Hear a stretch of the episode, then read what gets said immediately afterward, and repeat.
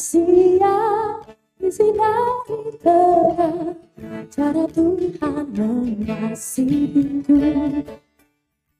Seindah petang dengan angin sejuk. Cara Tuhan mengasihiku. Tuhanku lembut dan penyayang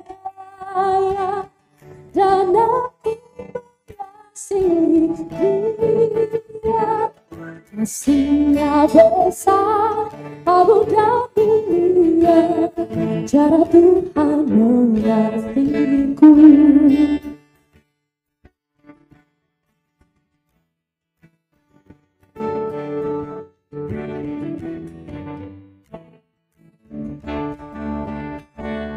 Sedalam nyala seluas angkasa Cara Tuhan mengasihiku Seharum kembang yang tetap semerbak Cara Tuhan mengasihiku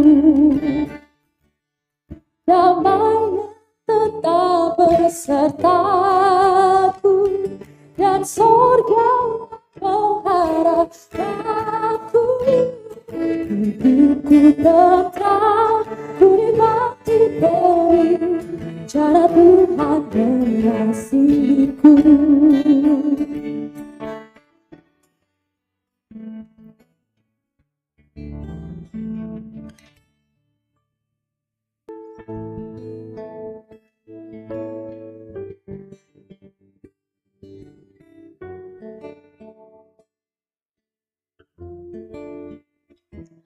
Aku takkan hari esok Namun langkahku kelak Bukan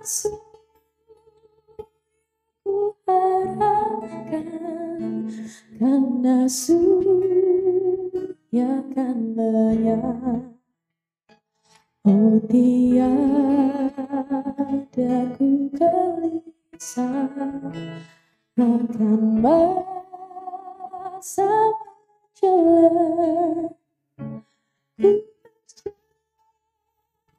serta Yesus maka hatiku tenang aku pahami dalamnya sangat jelas tapi terang ini tangan Tuhan yang pegang banyak hal yang ku pahami dalam masa menjelang tapi tak bagiku ini tangan Tuhan yang pegang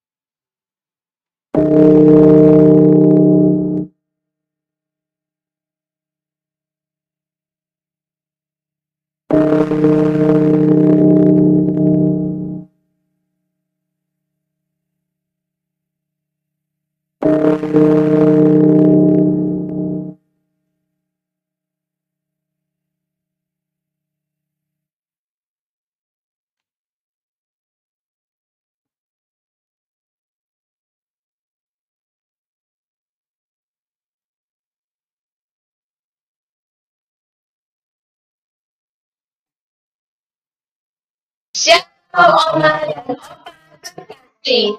Halo Oma Opa, Shalom. Berharap Oma Opa dalam keadaan sehat ya hari ini. Shalom Om Tante. Shalom dan salam sehat Oma dan Opa yang dikasihi Tuhan. Pandemi saat ini memang sangat mempengaruhi kegiatan kita sehari-hari. Terlebih lagi, Natal di tahun ini sangat berbeda. Kita harus rayakannya di rumah. Tapi meskipun begitu, kita harus tetap sukacita. Karena Tuhan Yesus selalu ada di hati kita. Kami berharap Oma dan Opa sama seperti kami ya. Oma dan Opa jaga kesehatan sehingga apabila pandemi ini berakhir, kita bisa bertemu kembali dan sama-sama memuliakan namanya. Tuhan Yesus pasti memberikan yang terbaik untuk kita. Suatu saat kita akan melihat betapa baiknya Tuhan untuk kita, karena semua indah pada waktunya. Mungkin hari-hari ini Oma Opa sudah rindu dengan kebersamaan, baik untuk beribadah di gereja maupun untuk sekedar keluar makan jalan-jalan bersama anak cucu dan keluarga. Tapi ini semua akan berlalu Oma Opa dan kita akan melaluinya bersama-sama. Oma Opa tetap jaga kesehatan ya. Tingkatkan imun tubuh, selalu happy, berolahraga ringan yang bisa dilakukan di dalam rumah, serta berpikir positif dan berpengharapan kepada Tuhan Yesus. Dan di atas semuanya itu adalah menyerahkan kendali hidup kita sepenuhnya ke dalam tangan Tuhan. Yakinlah bahwa di dalam Tuhan ada kesembuhan dan sukacita yang melampaui kesembuhan dan sukacita yang kita harapkan. Tetap semangat, tetap berpikir positif dan selalu berpengharapan sama Tuhan. Selalu ingat dan percaya bahwa Tuhan Yesus selalu menyertai Oma Opa di mana pun Oma Opa berada. Tuhan Yesus memberkati. Tuhan memberkati. Selamat menyambut kelahiran Tuhan Yesus, Oma dan Opa. God bless you all.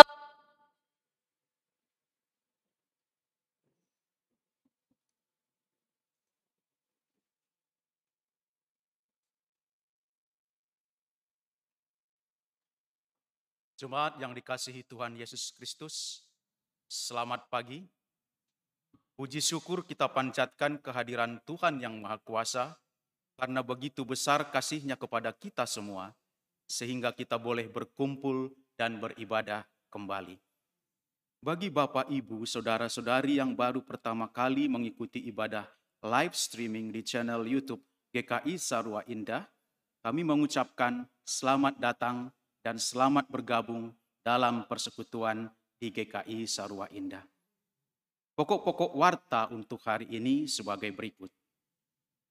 Kebaktian umum live streaming Minggu Advent ketiga pada pagi hari ini bertema Bukan Aku, Melainkan Dia. Dilayani oleh Penatua Kristian Dewantara, calon pendeta GKI Sarwa Indah. Kebaktian remaja melalui Zoom akan diadakan pada hari ini Minggu tanggal 13 Desember 2020 pukul 18 WIB.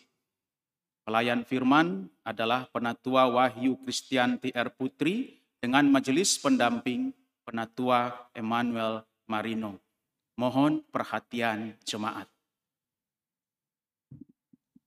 Diberitahukan kepada jemaat dan peserta kelas katekisasi bahwa selama masa raya Natal dan Tahun Baru, kelas katekisasi melalui Zoom akan diliburkan dan akan dimulai lagi pada hari Rabu tanggal 6 Januari 2021. Pendalaman Alkitab hari Kamis melalui Zoom akan diliburkan mulai minggu ketiga Desember 2020 dan akan dimulai lagi pada minggu ketiga Januari 2021. Mohon perhatian jemaat dan peserta kelas katekisasi. Perayaan Natal Komisi Anak akan diadakan pada hari Minggu tanggal 20 Desember 2020 pukul 10 WIB bertema Adakah tempat baginya di hatimu? Link untuk Zoom akan diinfokan selanjutnya. Mohon perhatian orang tua anak sekolah minggu. Dengan mengucap syukur atas kemurahan Tuhan Yesus Kristus dan bila tidak ada keberatan yang sah, akan dilayankan peneguhan dan pemberkatan nikah atas diri Saudara Tommy Indra Kesuma, anggota jemaat GKI Sarua Indah Ciputat Tangerang Selatan, dengan saudari Foni Rensi Pangalila, anggota jemaat JKI Sekinah Glory Wonosobo. Peneguhan dan pemberkatan nikah akan dilaksanakan pada hari Sabtu tanggal 2 Januari 2021 pukul 10 WIB bertempat di GKI Pajajaran Magelang dan akan dilayani Majelis Jemaat GKI Pajajaran. Mohon perhatian dan dukungan doa jemaat. Demikian pokok-pokok warta untuk hari ini. Untuk lebih lengkapnya, jemaat dipersilahkan membacanya di warta jemaat dalam bentuk file PDF. Segenap majelis jemaat mengucapkan selamat beribadah. Tuhan memberkati.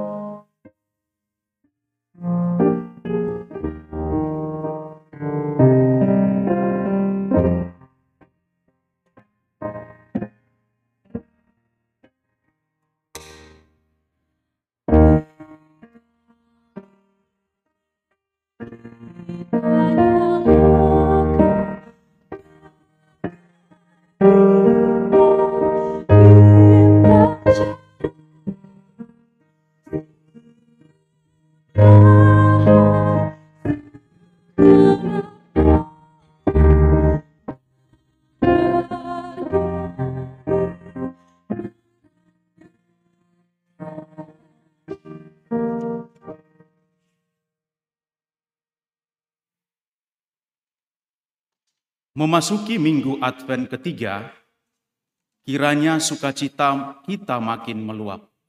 Dalam kalender liturgi, Advent ketiga disebut Gaudete Sunday, yang artinya Minggu Sukacita. Kiranya hal ini mendorong kita menyambut kedatangan Kristus dengan sukacita itu.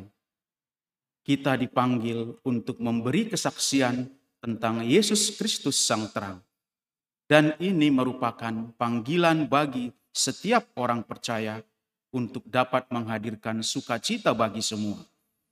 Melalui perjumpaan terlebih dahulu dengan Sang Terang, mari kita bawa sukacita perjumpaan itu dengan menjadi pewarta yang terus menyaksikan Sang Terang. Saya mengundang jemaat untuk berdiri. Mari kita menyanyikan Kidung Jemaat nomor 81 bait pertama hingga keempat. Oh datanglah Immanuel.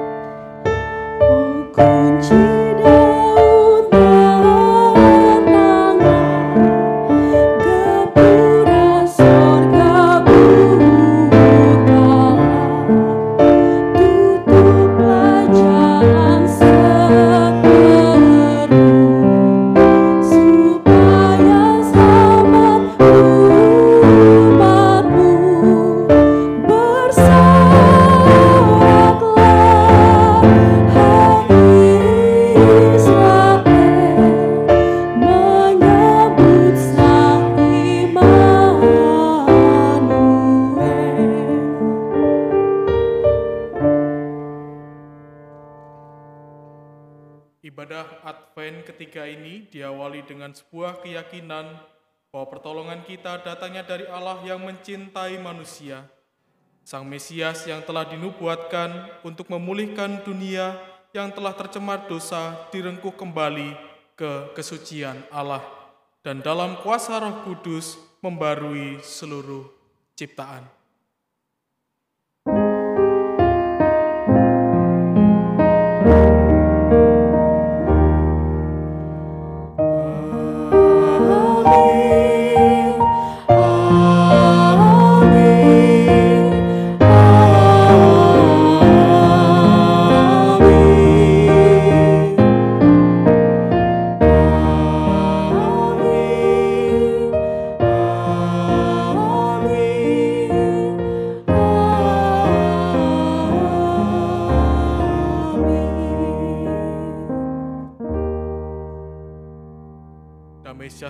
Dari Allah menyertai saudara.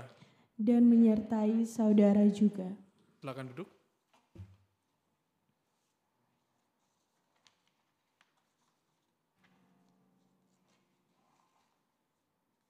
Tuhan, kami sibuk menghitung uang kertas merah ratusan ribu rupiah. Sementara pemulung dan juru parkir sibuk mengumpulkan uang receh. Namun kami tidak peduli kepada mereka Tuhan. Kami belum menjadi saksi tentang Engkau Sang Terang itu. Tuhan, ampuni kami.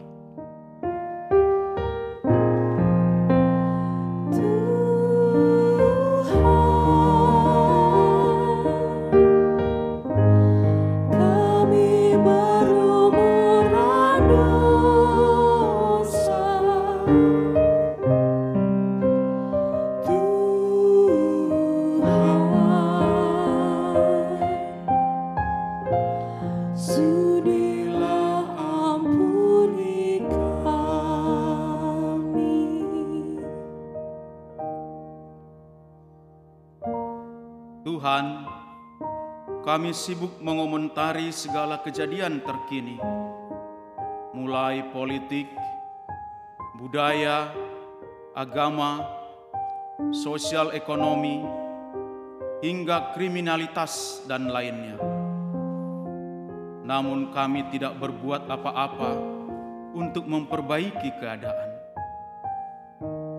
Tuhan, kami belum menjadi saksi tentang Engkau Sang Terang itu. Tuhan, ampuni kami.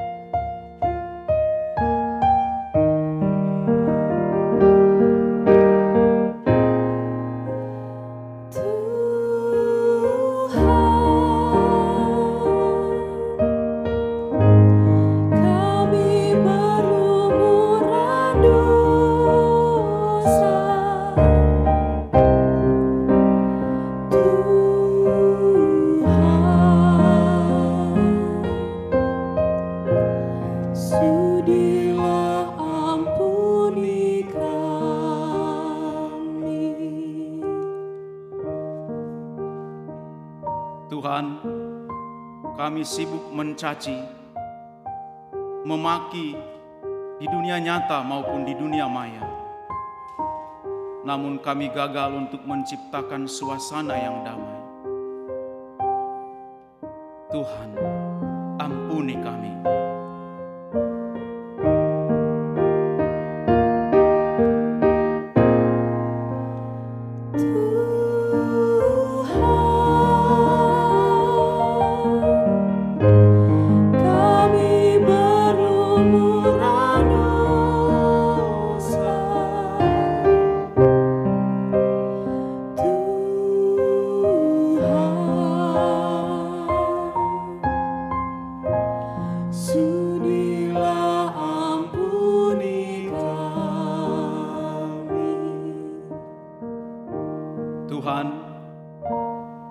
Sibuk menggunjing, bergosip, hingga akhirnya memicu ketersinggungan.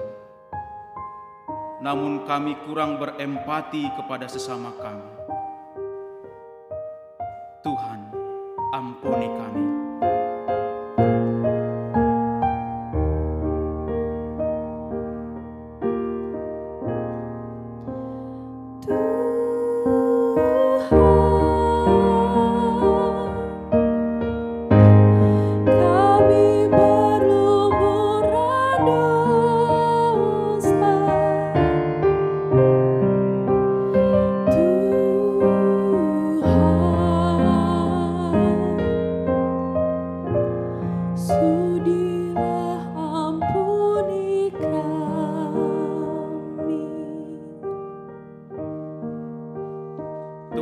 Yesus Kristus, Engkau firman Allah yang menjelma menjadi manusia.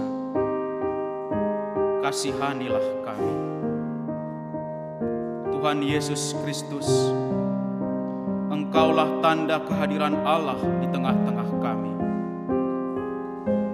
Kristus, kasihanilah kami. Kristus kasihanilah kami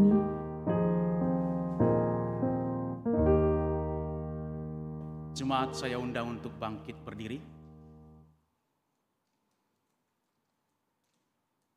Bagi setiap kita yang menyadari dosanya, serta berjanji hidup dalam jalan Tuhan, maka terimalah janji Tuhan dengan penuh syukur yang terdapat dalam kitab Mazmur pasal 146 ayat 8. Tuhan membuka mata orang-orang buta, Tuhan menegakkan orang yang tertunduk. Tuhan mengasihi orang-orang benar. Demikianlah berita anugerah dari Tuhan. Syukur kepada Allah Tuhan kita Yesus Kristus sudah menebus kita karena kasihnya kepada kita dan memberi hidup kita kekal. Marilah kita juga saling mengasihi dan saling mengampuni dengan saling memberi salam damai.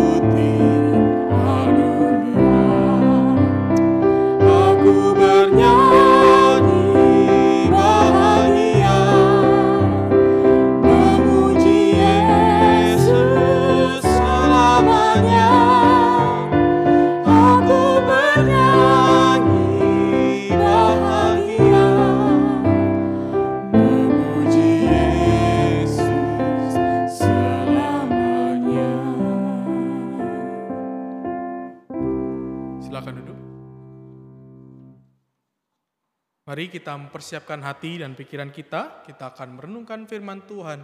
Mari kita berdoa.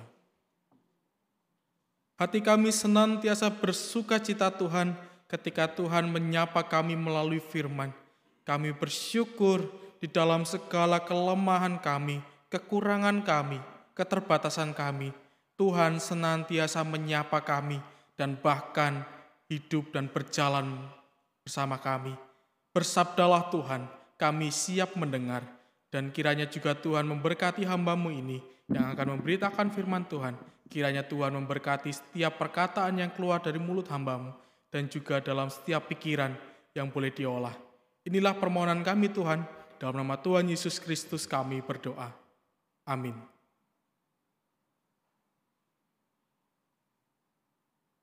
Yohanes Pembaptis memberi kesaksian di hadapan banyak orang tentang Yesus Sang Terang.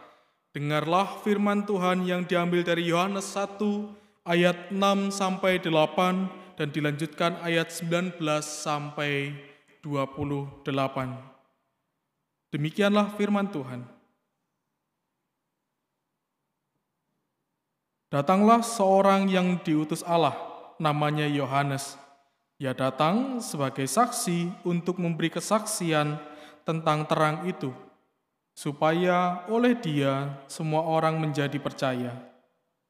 Ia bukan terang itu, tetapi ia harus memberi kesaksian tentang terang itu.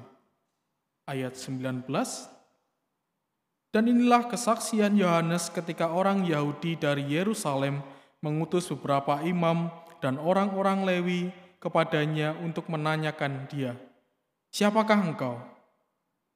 Ia mengaku dan tidak berdusta, katanya, "Aku bukan Mesias." Lalu mereka bertanya kepadanya, "Kalau begitu, siapakah engkau?" Elia.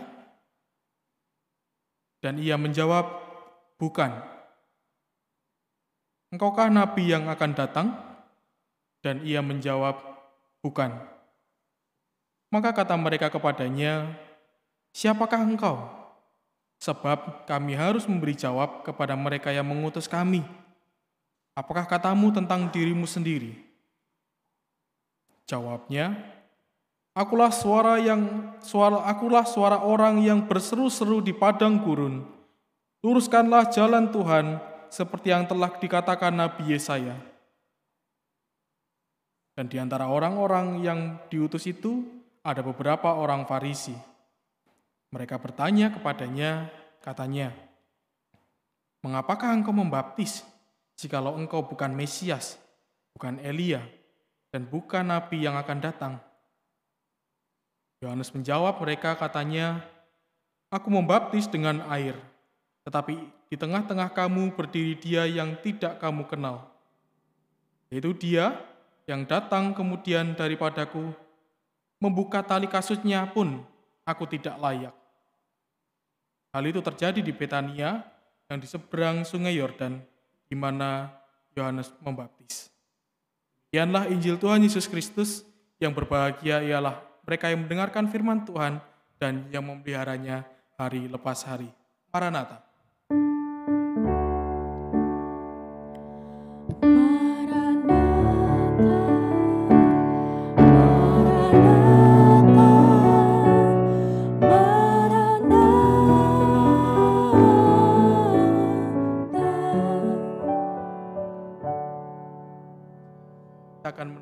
Short movie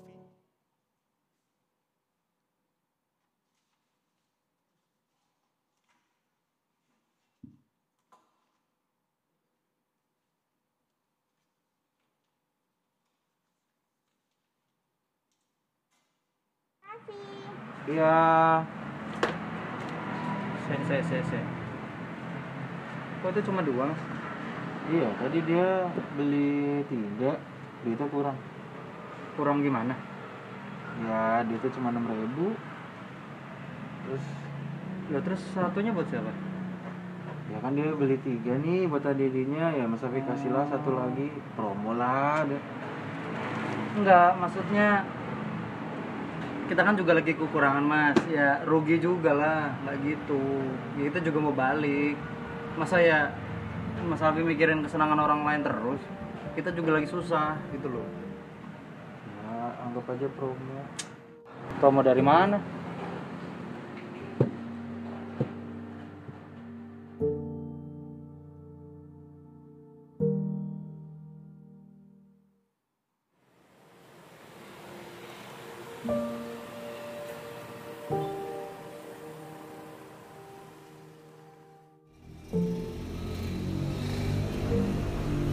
Yo, Hai.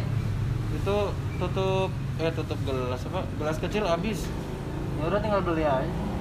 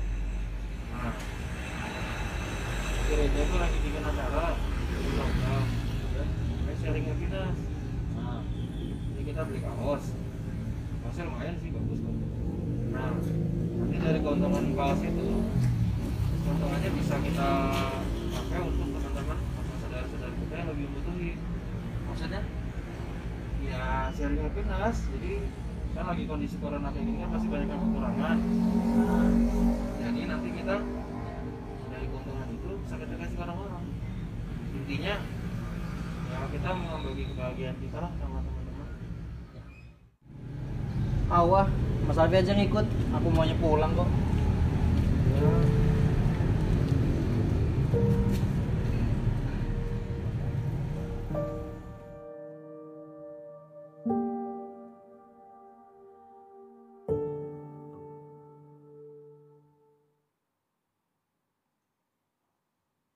Ya. Minggu ini kita merayakan Minggu Gaudete, Minggu Sukacita.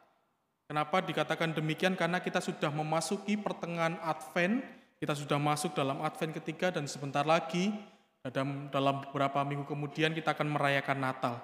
Tentu kalau saya boleh bertanya di rumah siapa yang belum masang pohon Natal? Saya yakin mayoritas sudah masang, walaupun mungkin ada yang belum, termasuk saya. Saya juga belum masang Bapak Ibu Saudara. Ya, tapi kalau kita merefleksikannya bahwa persiapan Natal itu menjadi luar biasa gitu ya.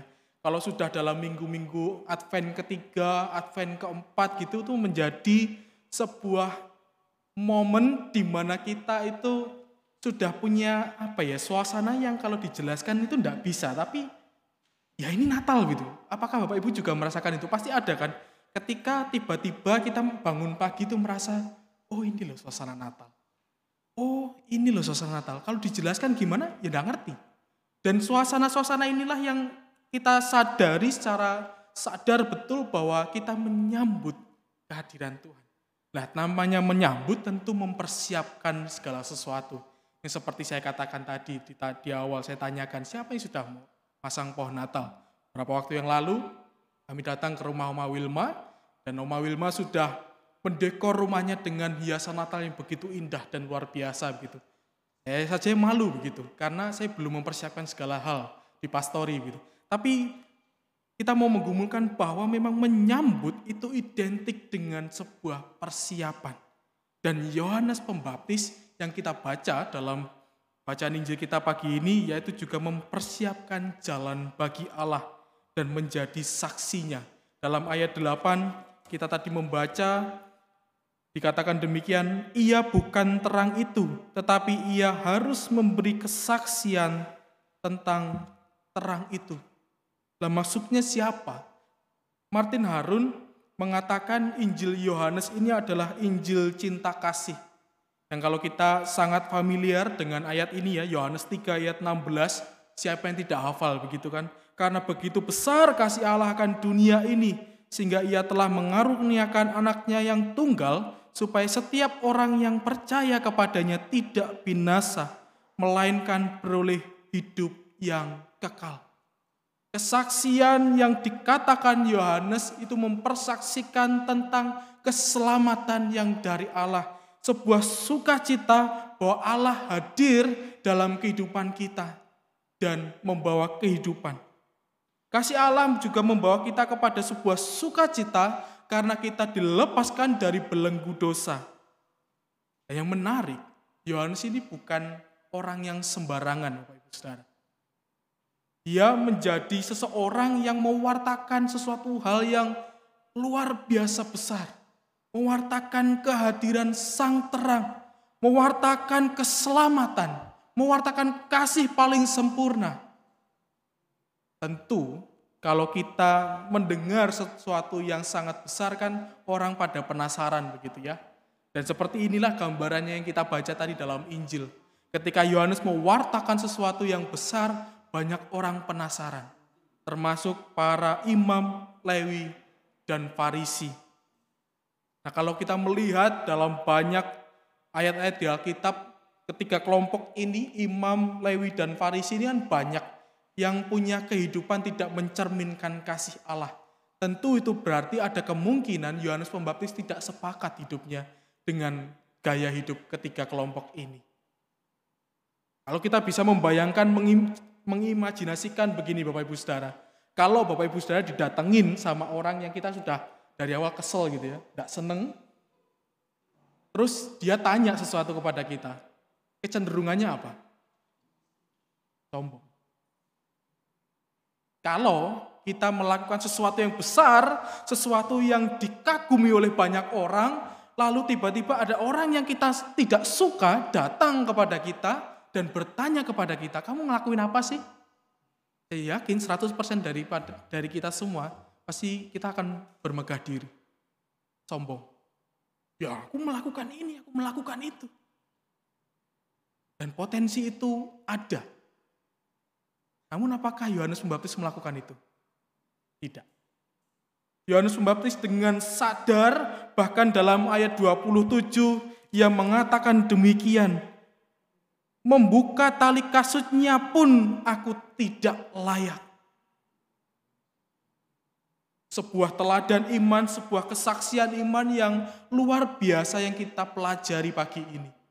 Di mana dia sebenarnya punya kesempatan untuk menyombongkan diri, di mana dia punya kesempatan untuk mengalahkan para imam Lewi dan Farisi ini, namun dia dengan kesadarannya, dengan kerendahan hatinya, dan dia sadar betul siapa dia, dia tidak mengambil kesempatan itu.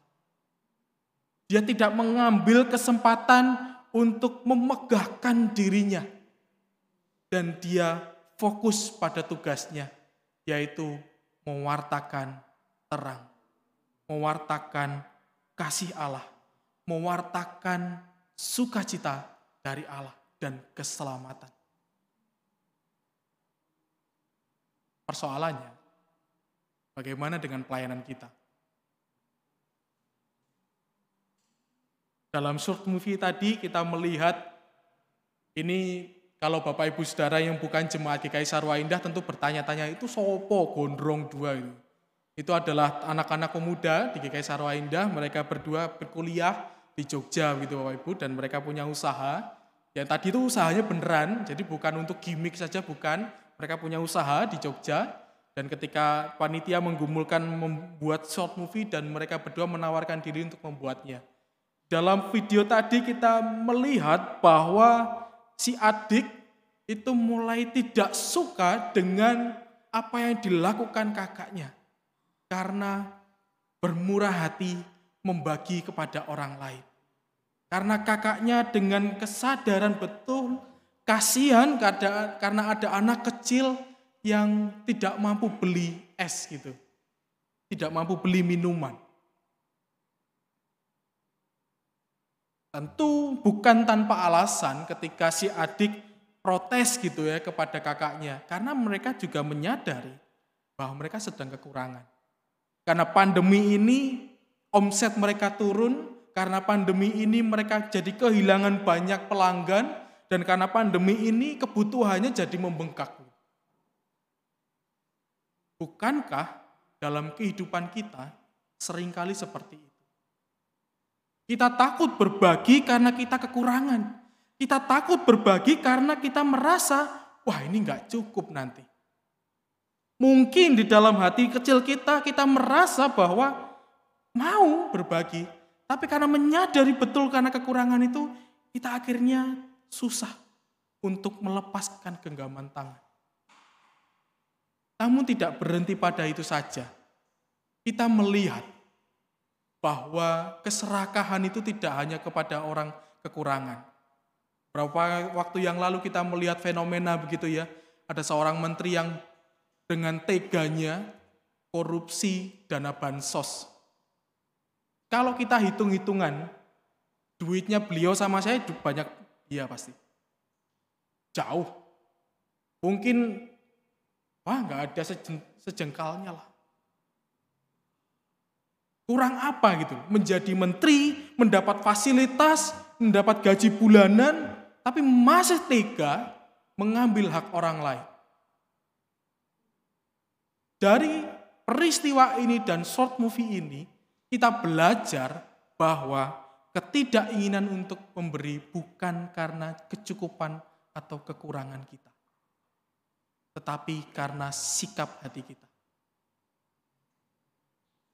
Bersedia berbagi bukan mata-mata tentang banyaknya uang. Bersedia berbagi bukan sesuatu yang harus spektakuler, tidak. Tetapi juga membagikan sesuatu yang sangat sederhana, semampu kita. Kita ingat peristiwa ketika Elia ditolong oleh seorang janda di Sarfat. Atau ketika seorang janda memberikan persembahan yang jumlahnya sedikit daripada dibandingkan dengan orang yang kaya. Namun kesaksian Alkitab menunjukkan bahwa bukan ukurannya yang terpenting. Namun kerelaan hati. Juga bukan karena kita dalam kondisi kekurangan ataupun kelebihan. Namun tentang ego kita. Dalam bacaan kita hari ini kita bergumul betul bahwa kita mungkin dalam hidup kita sehari-hari ada godaan untuk memenuhi ego. Seperti yang dialami oleh Yohanes Pembaptis. Dia sekali lagi saya mengatakan dia punya potensi untuk menyombongkan dirinya. Dia punya potensi untuk membesarkan namanya. Tapi dia tidak melakukan itu. Lalu bagaimana dengan Natal kita? Lalu bagaimana dengan pelayanan kita? Natal kita tahun ini pasti berbeda.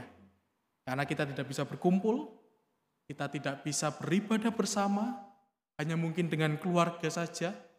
Kita tidak lagi dapat berjumpa dengan saudara seiman kita dalam persekutuan kita.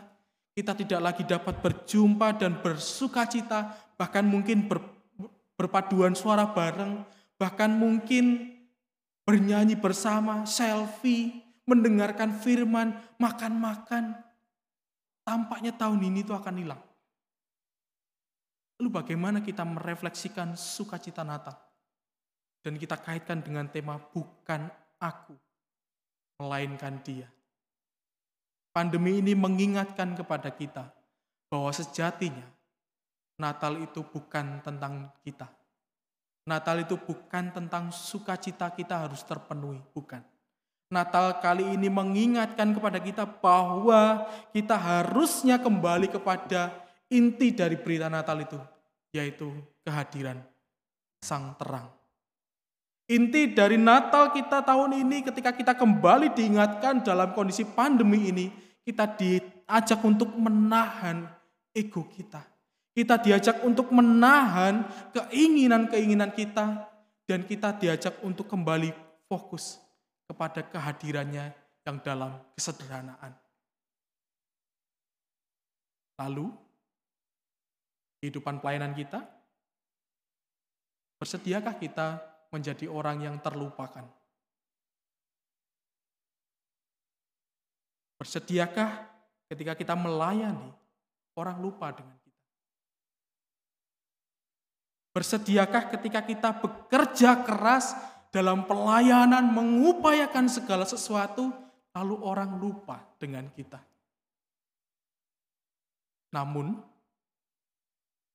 setiap orang yang kita layani merasakan kasih Allah. Persoalannya, banyak orang masih merasa bahwa pelayanannya itu yang paling penting. Oh, itu ada karena usahaku. Oh, itu ada karena memang aku yang mengerjakannya. Oh, itu bisa terjadi ya karena tim kami. Bukankah kita melihat fenomena semacam ini terjadi di mana pun? Ketika kita mengerjakan pelayanan bukan untuk kemuliaan Tuhan, namun mencari kemuliaan pribadi. Kita mencari nama kita diagung-agungkan, kita mencari nama agar nama kita dikenal. Bukankah seperti itu fenomenanya? Termasuk juga saya. Jangan salah, saya pun juga bisa jatuh dalam hal itu. Bersediakah seperti Yohanes Pembaptis? Ketika ada seseorang yang bertanya, oh GKI Sarwa Indah sekarang bagus ya, itu siapa yang buat? Bersediakah kita menjawab, itu hanya karena pertolongan Tuhan. Bersediakah kita menjawab ketika ada pertanyaan-pertanyaan, oh sekarang pelayanan di GKI Saura Indah semakin baik, semakin berkembang, semakin menyapa banyak orang. Bersediakah kita menjawab, itu hanya karena anugerah Tuhan semata. Ini susah. Sangat susah. Karena mau bagaimanapun kita butuh pengakuan. Mau bagaimanapun kita ingin selalu dilihat orang. Ingin bersinar. Bahkan mungkin ingin menjadi yang nomor satu.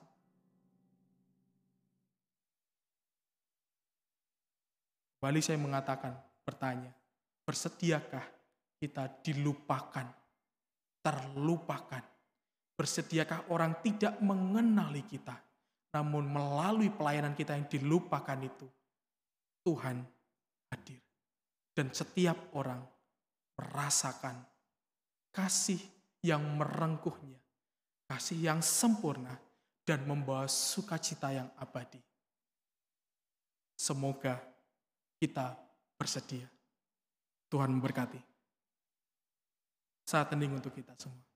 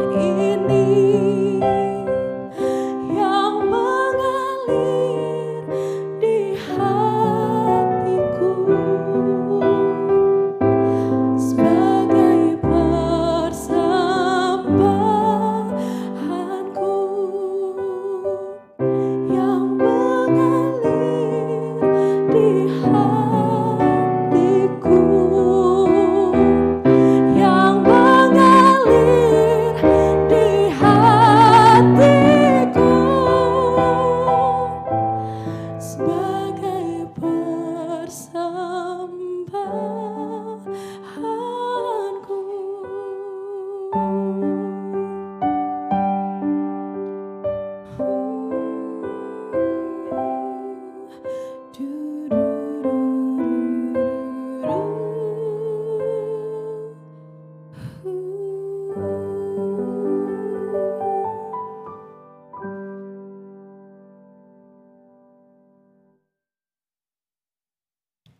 Jemaat saya undang untuk bangkit berdiri. Marilah kita memperbarui iman bersama dengan orang percaya di seluruh dunia dan di sepanjang abad dengan mengungkapkan pengakuan iman yang kita nyanyikan bersama menurut nyanyian rohani 77 dalam langgam KJ 58.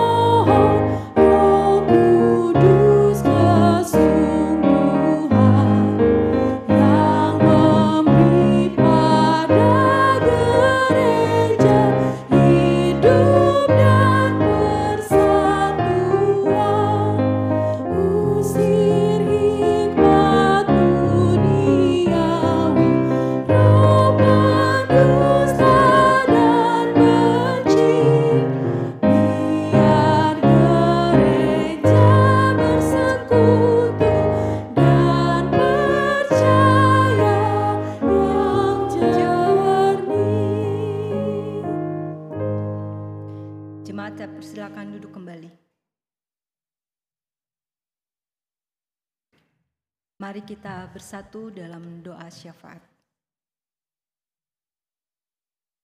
Ya Tuhan Allah Bapa yang Maha Kuasa, kami bersyukur karena Engkau telah memberikan kami gedung sekretariat yang boleh kami manfaatkan juga sebagai tempat beribadah.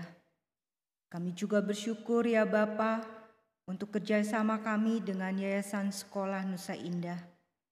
Kami juga bersyukur untuk lahan yang Engkau berikan kepada kami. Tuntun kami dengan kuasa Roh Kudus, agar kami dapat memanfaatkannya dengan benar. Kami memohon ya Bapa, kiranya Engkau berkenan memberikan kami izin IPL dan IMB untuk lahan di Nusa Loka. Allah Bapa di surga, inilah doa syukur dan permohonan kami yang kami alaskan di dalam nama Tuhan Yesus Kristus. Kami melanjutkan syafaat kami Tuhan. Kami mengucap syukur atas firman yang boleh kami renungkan pada pagi hari ini. Kiranya Tuhan senantiasa menolong kami agar dalam kehidupan kami hari lepas hari kami boleh terus hidup di dalam firman-Mu dan setiap langkah kami hanya berdasarkan firman dan kehendak-Mu saja. Tuhan kami pada hari ini ingin bersyukur untuk teman-teman kami, saudara kekasih kami yang bertambah usia di minggu ini. Kami berdoa untuk Bapak Edwin Yusuf Santoso, Penatua Wahyu Kristianti Putri, dari Stefani Putri Marwao, Bapak Christian Aditya Nugraha, dan Sedari Marina Panggabean. Kami bersyukur atas pertambahan usia yang boleh dirasakan oleh saudara-saudara kekasih kami. Kiranya Tuhan senantiasa memberikan kesehatan, panjang umur, berlimpah rezeki dan juga segala hal yang masih digumulkannya kiranya juga Tuhan menyertai. Kami percaya Tuhan hadir dalam kesukacitaan mereka karena pertambahan usia yang boleh mereka alami.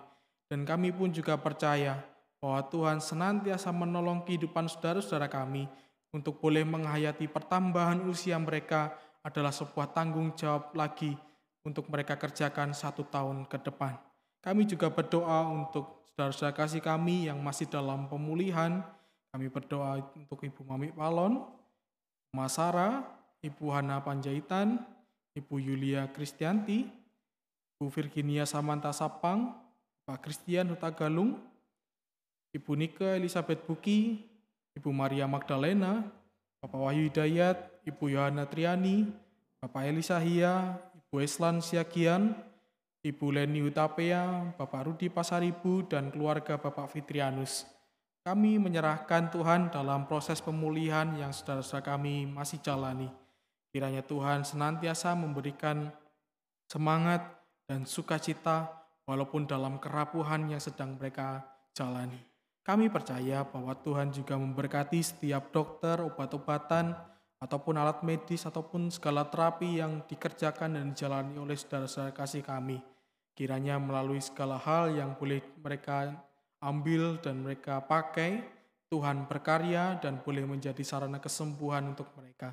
Kiranya juga Tuhan memberikan hati yang penuh rasa syukur dan sukacita, karena kami percaya kesembuhan juga harus disertai dengan rasa cukup, rasa syukur, dan rasa sukacita akan penyertaanmu.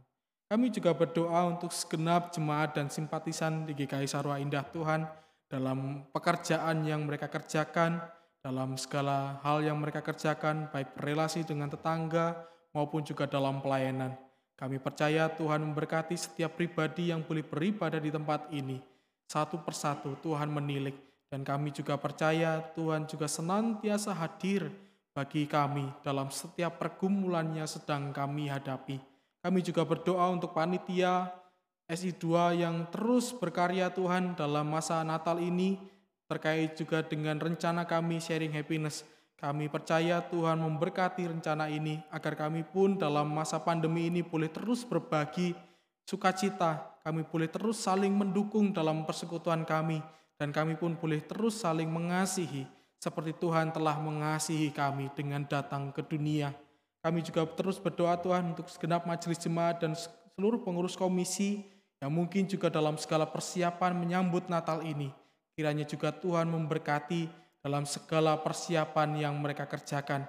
Kiranya juga Tuhan memberikan roh yang boleh bersatu sehingga segala perencanaan yang dikerjakan boleh berjalan dengan baik karena setiap orang boleh berderap dalam langkah yang sama.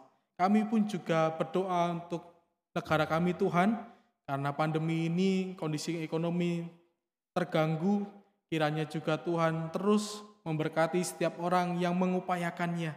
Kami percaya Tuhan berikan kebijaksanaan bagi setiap pribadi yang ada dalam pemerintahan, mereka boleh bekerja sebagai bukti bakti mereka untuk melayani masyarakat kami pun juga berdoa kiranya Tuhan menjauhkan negara kami dari kejahatan korupsi yang beberapa waktu kemarin ini terjadi lagi. Kami sungguh kecewa Tuhan sebagai pribadi karena ada banyak orang di luar sana yang masih mementingkan egonya hanya untuk kepuasan dirinya. Kami memohon kiranya Tuhan memberkati setiap pribadi dalam bangsa Indonesia ini agar mereka boleh hidup tidak hanya untuk ego diri mereka sendiri, namun boleh hidup untuk saling berbagi bahkan dalam masa pandemi ini. Kami juga terus berdoa untuk seluruh tenaga kesehatan yang masih terus berjuang untuk mengatasi pandemi ini dan juga merawat saudara-saudara kami, teman-teman senegara kami ini yang terjangkit virus COVID. Kami percaya Tuhan senantiasa menambah-nambahkan energi mereka, menambah-nambahkan semangat mereka, agar ketika mereka boleh terus berjuang, mereka terus boleh mengerjakan segala tanggung jawabnya dengan baik dan bersandar kepadamu. Kami juga berdoa untuk setiap pribadi yang saat ini sedang sakit, baik COVID maupun sakit yang lain. Kami menyerahkan Tuhan dalam tangan pengasihan. Kami percaya Tuhan menolong setiap pribadi dan Tuhan boleh beserta dengan mereka. Inilah seluruh syukur, permohonan, dan doa kami Tuhan. Kami alaskan dalam nama Tuhan Yesus Kristus yang telah mengajar kami berdoa demikian.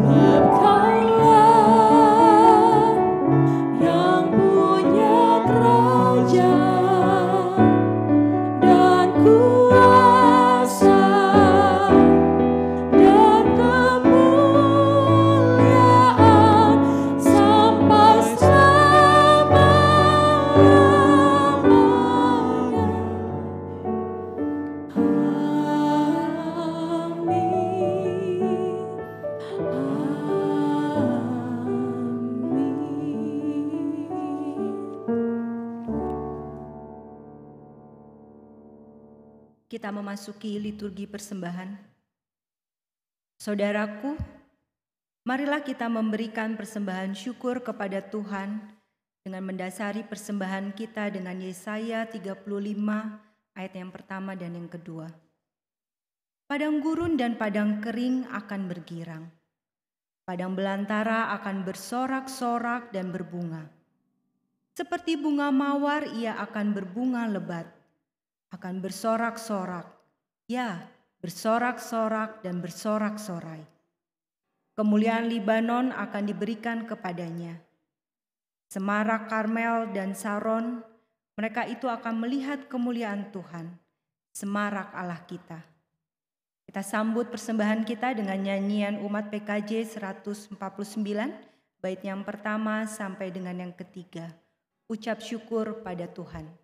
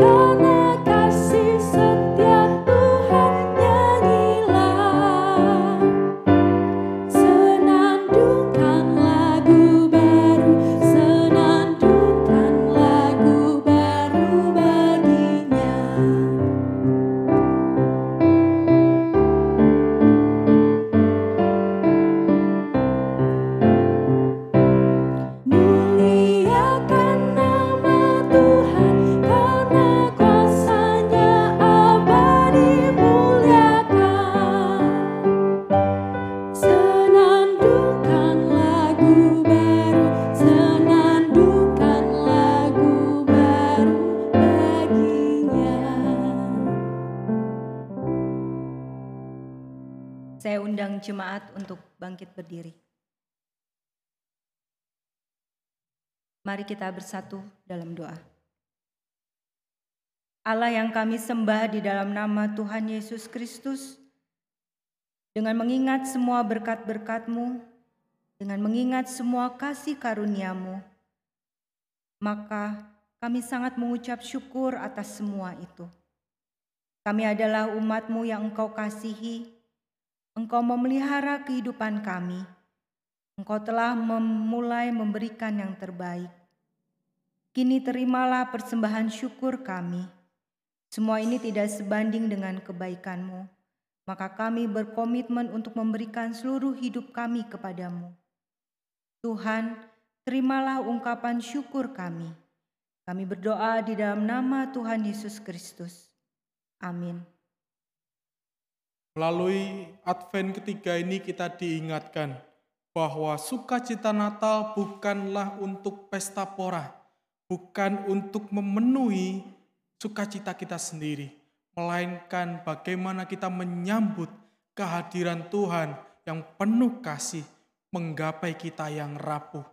Dan dalam segala pelayanan kita, marilah kita menyadari bukan untuk kepentingan kita, melainkan agar kasih Allah dinyatakan.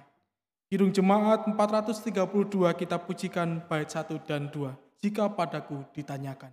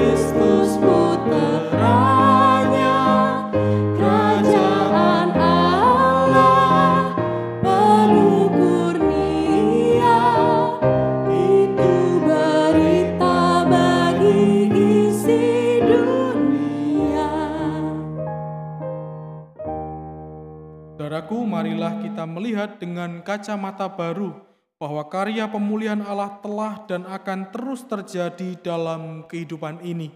Orang percaya di sepanjang sejarah terus dipanggil mewartakan karya pemulihan Allah itu dengan terus menyaksikan sang terang. Tuhan Yesus, tolonglah kami agar senantiasa bisa menyaksikan sang terang yang membawa pemulihan dalam hidup kami. Marilah kita mengarahkan hati kita kepada Tuhan. Kami mengarahkan hati kami kepada Tuhan dan bersedia masuk ke tengah dunia. Jadilah saksi Kristus, Kami siap menjadi saksi Kristus, terpujilah Allah Bapa, Anak, dan Roh Kudus. kini dan selamanya. Marilah kita menerima berkat dari Tuhan. Kiranya cinta kasih dan kesetiaan Allah menumbuhkan pengharapan. Kiranya rangkulan penyelamatan dari Tuhan Yesus Kristus menjangkaumu setiap saat sehingga langkah-langkah kita tidak terantuk dosa dan terjerumus dalam pencobaan. Kiranya damai yang terpancar dari Roh Kudus menguatkan hidup kita dalam kebenaran dan kiranya berkat dari Allah Bapa dan Putra dan Roh Kudus menyejahterakan hidup kita kini dan sepanjang masa. Maranatha.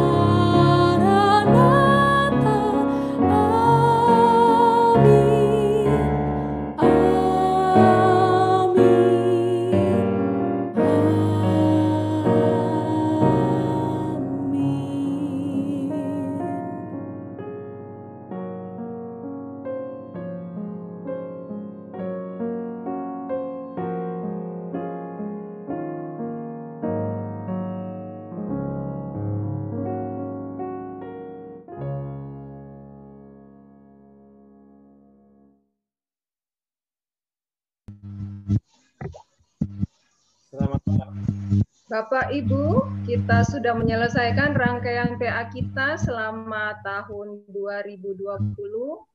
Selanjutnya PA akan dilaksanakan pada minggu ketiga di bulan Januari 2021. Mari Bapak Ibu dan Saudara untuk ikut bergabung bersama kami setiap hari Kamis. Saat ini kita uh, menikmati masa-masa Advent dan semoga kita semuanya selalu dalam keadaan yang sukacita. Yesus memberkati. Selamat hari Minggu. Selamat hari Minggu. Selamat hari Minggu. Tuhan Yesus memberkati. Selamat hari Minggu. Aku